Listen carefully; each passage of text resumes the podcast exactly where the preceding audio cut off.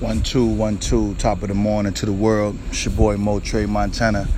Find me on all social media sites available for the latest updates on everything take flight. But this is another episode of Debate with Yourself.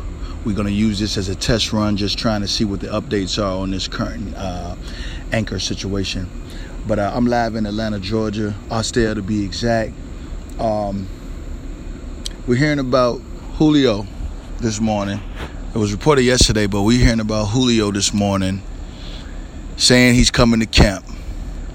And I got a special guest in the building with me. He born and bred here. Uh, he grew here. I flew here. Uh, but he knows more about the particulars, quite possibly on why Julio may have been feeling that way. I, you know, we've been chatting about it. I couldn't understand it. You got three whole years left.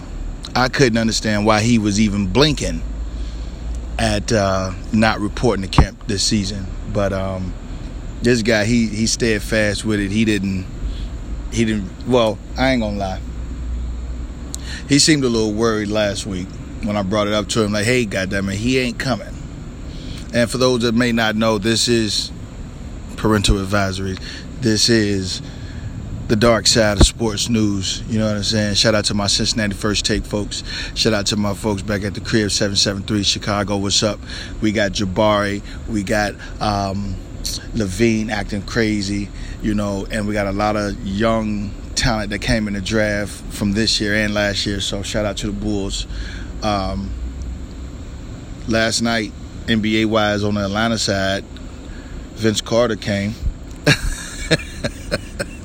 Shout out to VC. What it do? the, uh, Vintage Vince is now with the Atlanta Hawks. So um, I'm definitely going to catch a couple of home games uh, when my boys come in town and when, when LeBron come in town. We ain't even got to LeBron yet. That'll probably be our wrap up of this uh, this segment, which will probably be a short segment um, because of the test run. But uh, yeah, ATL Trae Young. He's uh, Curry 2.0, they say. Trade day. He his first game, he was struggling. I saw a lot of air balls. I was like, wait a minute. He, he went three for 15 from the field. Okay, so I, I seen a lot of struggle, but I also seen him gauging his own range. You know what I'm saying? Uh, the, the, the speed is different. Yeah, you're still playing against a bunch of college guys that came in with you, but you're also playing one and two year guys that's trying to get ten days. You know what I mean? So, Joel Embiid is one of my future dominant fives. He handles the ball phenomenally well for him to be that large. Uh, I got Giannis being in the MVP race this year. You know what I mean?